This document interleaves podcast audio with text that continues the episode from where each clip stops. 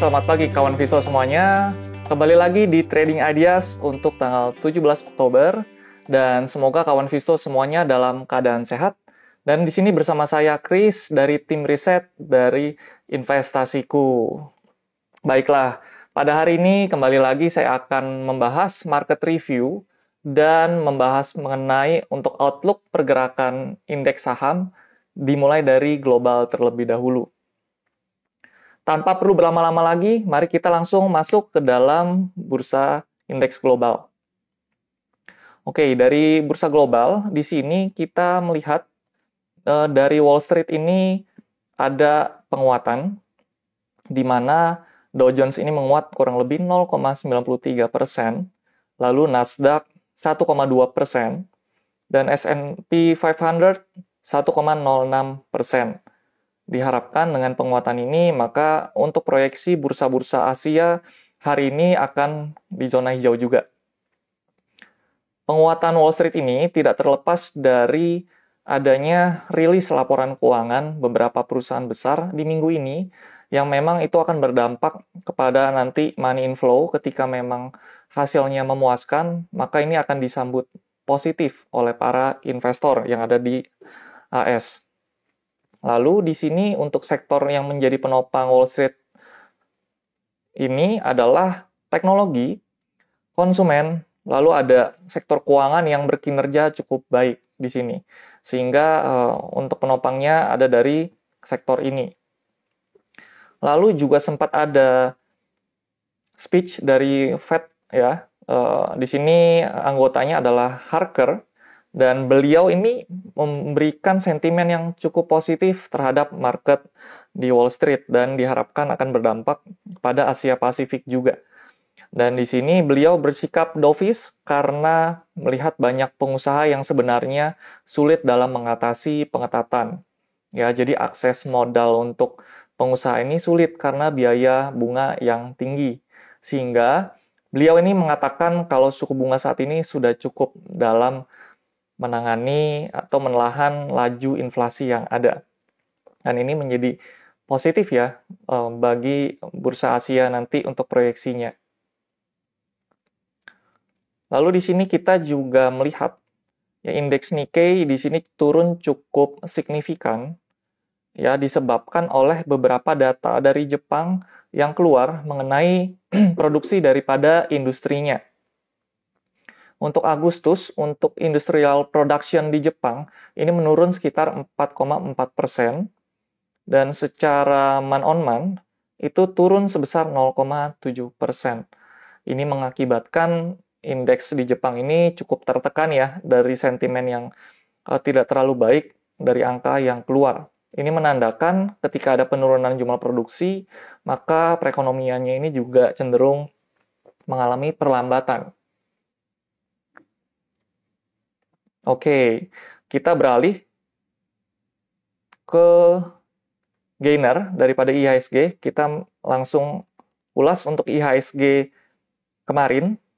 Ya, di sini ditutup sekitar 0,44 persen kalau Anda perhatikan ya ke angka 6896.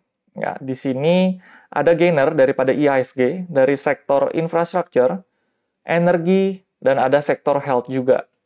Dan deng, uh, untuk pemberatnya di sini untuk losernya adalah properti dan transport.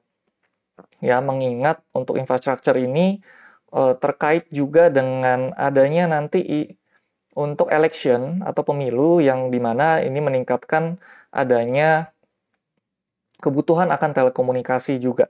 Dan energi ini juga tidak terlepas dari eskalasi ya perang di uh, konflik geopolitik dan di sini memang ada informasi bahwa untuk AS ini berencana untuk melakukan perjalanan bertemu dengan Perdana Menteri Israel, di mana sebenarnya ini menjadi risiko politik juga nih bagi uh, eskalasi yang ada, sehingga nanti ketika memang benar terjadi kunjungan, nah ini bisa memicu adanya konflik yang memang bertambah panjang lagi yang kita harapkan sebenarnya itu tidak terjadi ya. Tetapi memang di sini Israel sebagai uh, sekutu juga dari Amerika Serikat, Amerika Serikat beranggapan bahwa sebenarnya Israel ini uh, bisa melakukan pembelaan ya. Dan sebagai bentuk solidaritas juga, maka mereka berdua, antara Presiden AS dengan Perdana Menteri Israel, ingin melakukan pertemuan. Nah, ini efeknya nanti kita bisa lihat uh, apakah pertemuan ini membuat uh, situasi menjadi panas atau justru uh, tambah tenang ya, uh, kawan investor semuanya. Nah, uh, lalu untuk uh, dalam negeri sendiri ya, itu tadi untuk eksternal. Jadi memang ada ketidakpastian konflik dan untuk dari dalam negeri sendiri pergerakan IHSG kemarin ini dipengaruhi oleh neraca dagang ya bulan September di mana muncul data yaitu sekitar 3,42 miliar US dollar dan angka ini sebenarnya masih surplus ya selama 41 bulan semenjak Mei 2020. Dan angka ini sebenarnya naik dari periode sebelumnya sekitar 3,1 miliar US dollar. Tetapi ini mengalami penurunan dari periode yang sama tahun lalu, kurang lebih dari 4,97 miliar. Ya, padahal angka untuk 3,42 miliar US dollar ini masih di atas konsensus dan perkiraan. Dengan rincian ekspor itu turun 16,17 persen dan impor itu turun 12,45 persen, begitu ya. Ini dari periode yang sama tahun lalu, sehingga ini mengindikasikan meskipun secara periode sebelumnya ini naik, tetapi jika dibandingkan dengan periode yang sama tahun lalu mengalami penurunan, artinya memang perekonomian belum benar-benar pulih. Dan di sini Indonesia sebagai negara komoditas mungkin uh, harus lagi lebih menjot untuk uh, produksi atau hilirisasi daripada komoditas yang ada.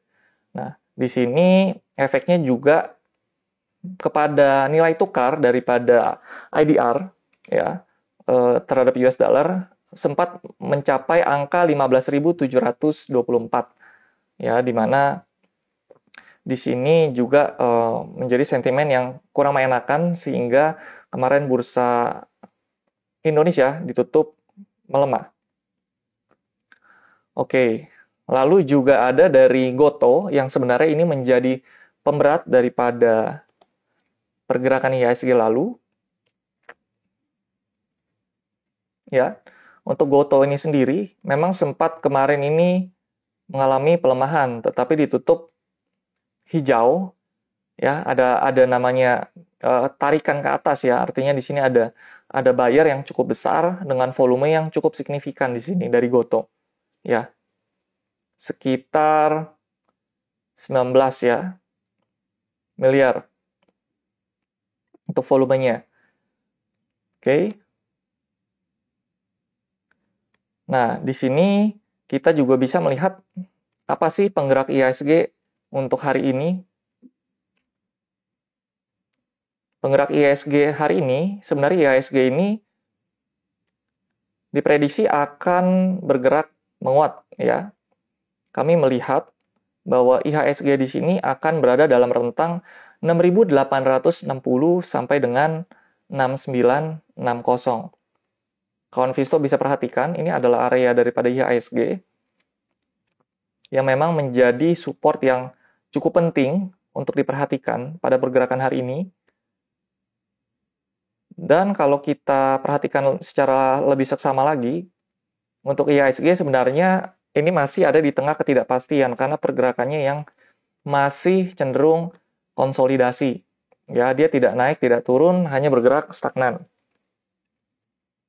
Nah, untuk IHSG ini dipengaruhi oleh beberapa sentimen. Ya, yang tidak yang cukup menarik sebenarnya itu adalah uh, keputusan MK ya, uh, yang mungkin secara langsung atau tidak langsung mempengaruhi uh, pergerakan IHSG karena keputusan daripada MK ini dia memberikan batas untuk cawapres atau capres uh, yang sudah berpengalaman ya menjadi kepala daerah. Di mana di sini memang terkait dengan uh, beberapa nanti untuk partai yang akan mencalonkan ya dan nanti ketika memang pencalonan ini sesuai dengan apa yang diharapkan oleh masyarakat dan memang yang digemari oleh pada masyarakat Indonesia, maka nanti hasilnya ini akan berpengaruh sedikit banyaknya terhadap bursa kita, ya. Jadi di sini yang menjadi keluh adalah uh, sudah berpengalaman menjadi kepala daerah. Ini menarik untuk kita nanti cermati lebih lanjut ya untuk hasilnya seperti apa. Kawan Visto semua bisa uh, ikuti lagi ya untuk trading ideas kita.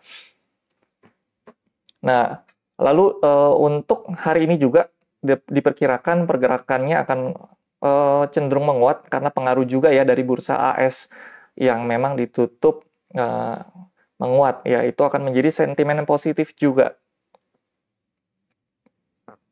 Oke, lalu untuk data yang akan ditunggu ya ada dari uh, tingkat pengangguran Inggris ya ini menjadi nanti sentimen juga uh, pada bursa. Lalu ada uh, speech dari William ya The Fed di sini juga nanti kita bisa perhatikan apa statementnya. Lalu ada data penting juga yang nanti akan ditunggu oleh para investor dari retail sales Amerika. Itu juga nanti berpengaruh mungkin kepada kebijakan moneter yang ada.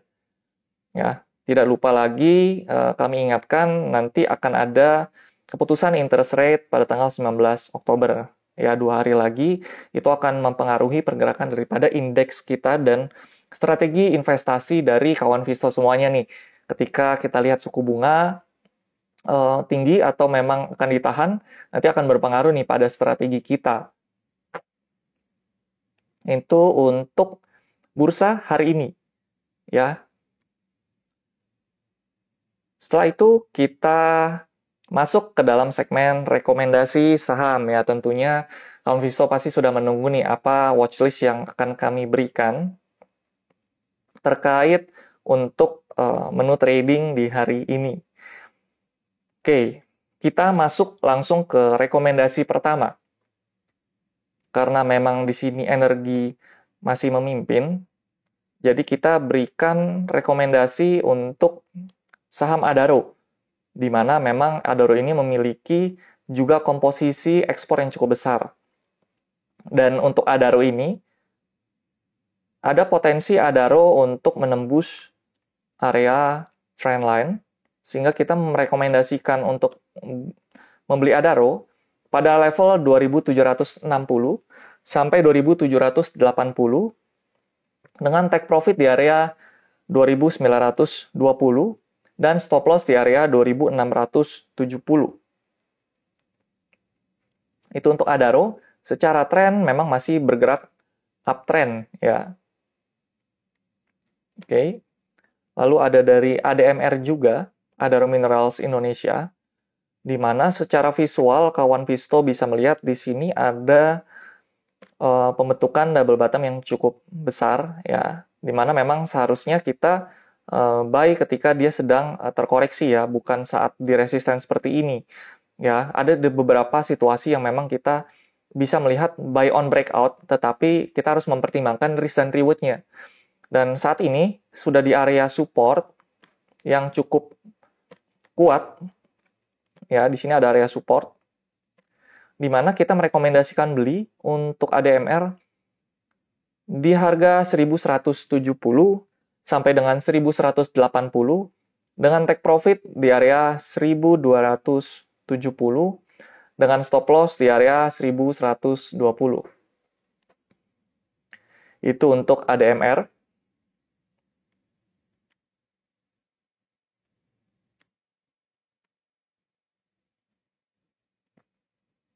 Kita beralih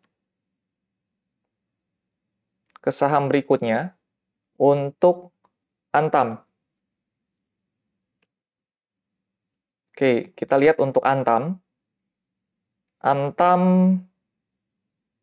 kemarin ini terjadi gap up ya, di mana harga eh, kemarin itu untuk highest-nya ada di area 1775 ya sehingga kita merekomendasikan di sini untuk buy Antam karena di tengah ketidakpastian global otomatis biasanya gold ini diburu sebagai aset safe haven di mana bisnis Antam ini terkait dengan komoditas gold. Rekomendasi beli untuk Antam ada di area 1785 sampai dengan 1795 dengan take profit di area 1880 sampai kita bisa lihat di sini ya ada area di area 1900-an. Ya, dan stop loss di area 1720-an. Ya, risk rewardnya cukup menarik sehingga kita merekomendasikan Antam.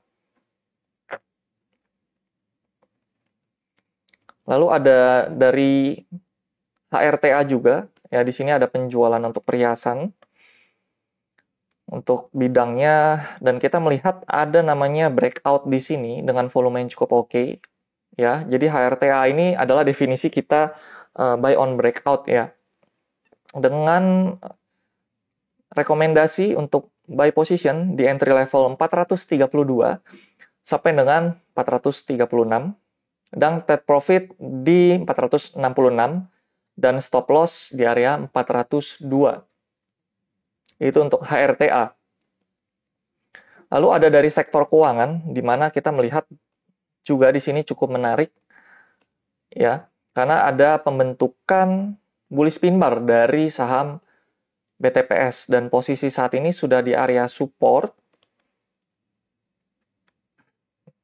Kita menggunakan bantuan Bollinger Band dan saat ini untuk Bollinger Band-nya ya sudah berada di lower secara harga dan di sini ada potensi penguatan lebih lanjut kawan Visto. Kita rekomendasikan beli untuk entry level di 1840 sampai dengan 1850 dengan take profit di area 1950 dan stop loss di area 1780. Oke, itu untuk rekomendasi hari ini ada 5 saham dan untuk selanjutnya kita masuk ke dalam segmen yang ditunggu-tunggu nih. Kawan Visto pasti ingin melakukan uh, pertanyaan ya terkait portofolio yang mungkin bisa kami bantu untuk berikan outlook-nya. Tanpa perlu berlama-lama, supaya jawaban bisa saya berikan atas semua pertanyaan, kita masuk ke saham yang pertama. Ada dari saham Oasa. Secara visual, untuk Oasa ini sebenarnya masih berada di dalam fase konsolidasinya nih, kawan Visto.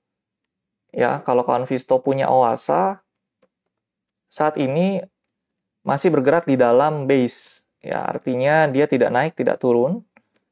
Dan untuk resisten terdekat saat ini ada di area kita perhatikan 195 itu area resisten terdekat dengan area support terdekatnya sekitar 175 Ya, di sini area yang perlu diperhatikan. Kalau let's say nanti Oasa ini mengalami breakdown daripada dia punya support, maka dia akan mengejar support berikutnya di 163. Jadi untuk Oasa ini masih belum e, menarik kalau dari pandangan kami, sehingga Oasa ini masih wait and see terlebih dahulu. Lalu kita ke Telkom ada dari infrastruktur juga. Ya, untuk Telkom ini sebenarnya kita sempat merekomendasikan, tetapi untuk Telkom saat ini pergerakannya masih cenderung bergerak di dalam sideways dengan rentang yang cukup lebar ya. Jadi pergerakan Telkom ini kalau kawan Visto semua punya atau ada yang baru mau masuk sebenarnya jangan dulu ya.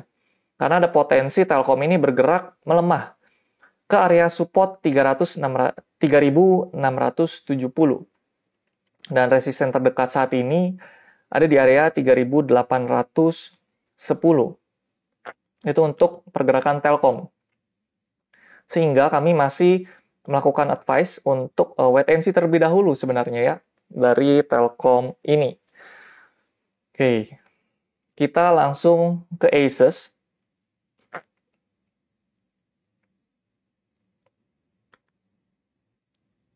Asus saat ini masih terlihat bergerak di dalam uptrend. Karena kalau kita lihat lebih lanjut, ya kita coba pasang untuk MA yang cukup uh, periode besar, ya masih di atas MA 100-nya ya. Jadi secara mungkin jangka menengah, ini masih cukup uptrend untuk Asus ini sendiri. Dan saat ini pergerakannya masih cenderung sideways juga. dengan rentang yang cukup sempit. Jadi untuk resisten terdekat daripada ASUS ini ada di 830 ya dengan support untuk kali ini yang terdekat di area 700 ya 760-an itu ada area support yang memang di mana pergerakannya akan stagnan di area tersebut saja. Itu untuk ASUS. Lalu kita ke saham aksi. Untuk aksi ini terlihat candlenya cukup fluktuatif ya. Jadi kalau untuk saham-saham seperti ini uh, mungkin lebih kepada spekulasi harga ya. Karena kawan Visto semuanya kalau trading ditarik seperti ini naik turun maka akan punya risiko yang besar juga nih terkena cut loss lebih besar ya. Jadi untuk aksi ini support terdekat yang bisa kami berikan ada di angka 162 dengan resisten terdekat saat ini ada di area 185. Ya, jadi di sini untuk aksi pergerakannya masih uh, sideways atau membentuk konsolidasi sehingga kami belum melihat ada entry point yang menarik daripada aksi ini. Oke, kita beralih ke saham Arci. Oke, untuk Arci ini harganya juga cenderung cukup fluktuatif dan saat ini sudah berada di area resisten ya. Karena kalau kita lihat volatile-nya saham ini bisa tercermin dari pergerakan satu candle seperti ini ya. Satu candle ini bisa di atas 10%, sehingga kalau kawan Visto ingin trading di saham seperti ini, otomatis untuk stop loss-nya juga harus di atas 10%. Dan memang ini cukup berisiko ya. Oke, untuk RC saat ini, kalau diperhatikan, ya saya akan membuka time frame yang lebih lebar karena mencari resisten yang akan kemungkinan menjadi target penguatannya lagi. Oke, kalau RC ini mampu untuk menembus resisten 436, maka dia akan mengejar resisten berikutnya. Ya, di area 470-an. Di situ ada area resisten yang menjadi target selanjutnya daripada RC ini. Lalu untuk support terdekat saat ini, ya kita bisa lihat di sini ada support di area 406. Selama masih bertahan di atas 406, maka bagi Anda yang memiliki saham RC ini bisa melakukan hold.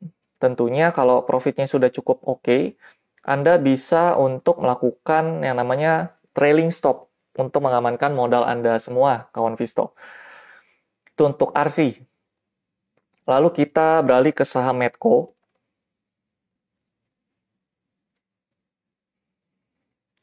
Oke, untuk Medco, kenaikannya didukung oleh kemarin kenaikan harga minyak. Di mana kalau kami melihat di sini terdapat pembentukan gap ya, dan ditutup melemah. Ini sesuatu hal yang wajar, karena biasanya ketika terjadi gap, artinya di situ ada order yang belum dijemput yang mengindikasikan bahwa harga akan menjemput order tersebut terlebih dahulu sebelum melanjutkan trennya. Untuk Medco, saat ini untuk resisten terdekat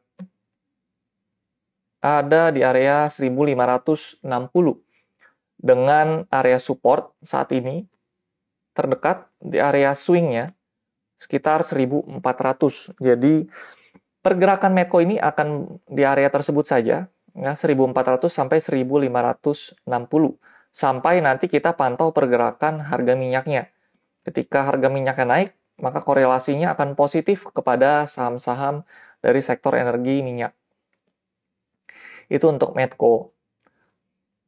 Lalu kita lihat Harum. Kita rekomendasikan beli dan kemarin satuan dari Harum ini. Dan saat ini untuk Pembentukannya ya seperti yang saya sempat katakan ini ada pembentukan sedikit uh, double bottom ya kecil. Kalau kawan visual lihat semuanya di sini dan sebenarnya targetnya ini belum tersentuh karena belum breakout daripada dia punya trend line yang terbentuk ya neckline ya maksud saya.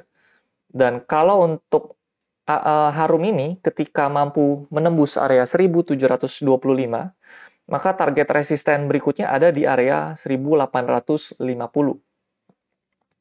Di mana area 1850 ini menjadi area penguatan selanjutnya selama mampu bertahan di atas 1610. Itu area support yang seharusnya dipertahankan. Itu dari Harum. Kita lihat untuk wins.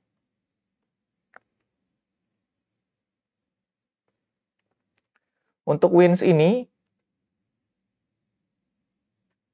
sebenarnya sempat kami rekomendasikan, tapi memang pergerakannya eh, masih cenderung bergerak dalam sideways ya. Jadi memang trading di saham sideways atau konsolidasi itu cukup boring ya kawan Visto karena harganya tidak ke mana-mana. Lalu kalau kami melihat ya untuk wins ini masih bergerak dengan rentang area 500 sampai 585. Ya, selagi masih di atas 500, sebenarnya masih layak untuk dilakukan hold dari wins ini.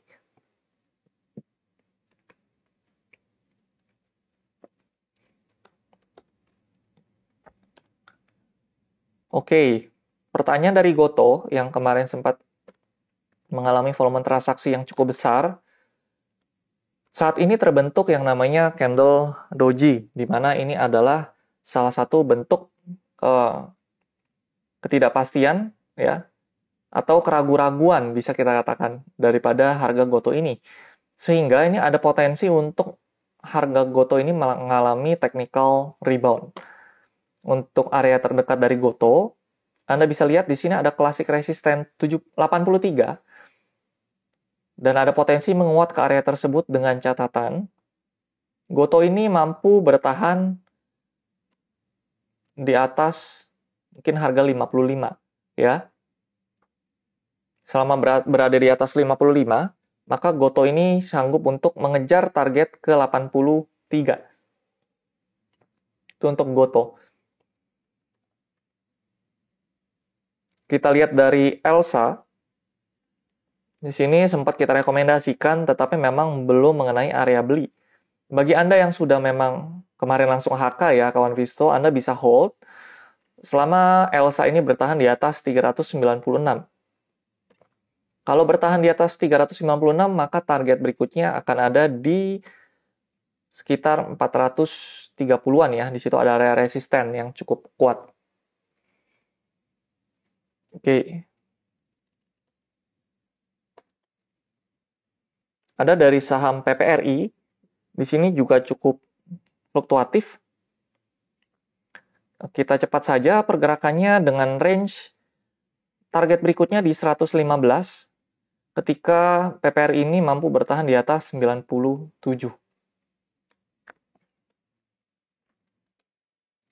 Untuk mutu, kemungkinan naik. Oke, kemungkinan naiknya masih 50-50 ya. Kalau kalau dia menembus area resisten 118, maka akan mengejar target berikutnya di 135 dengan catatan bertahan di atas 96.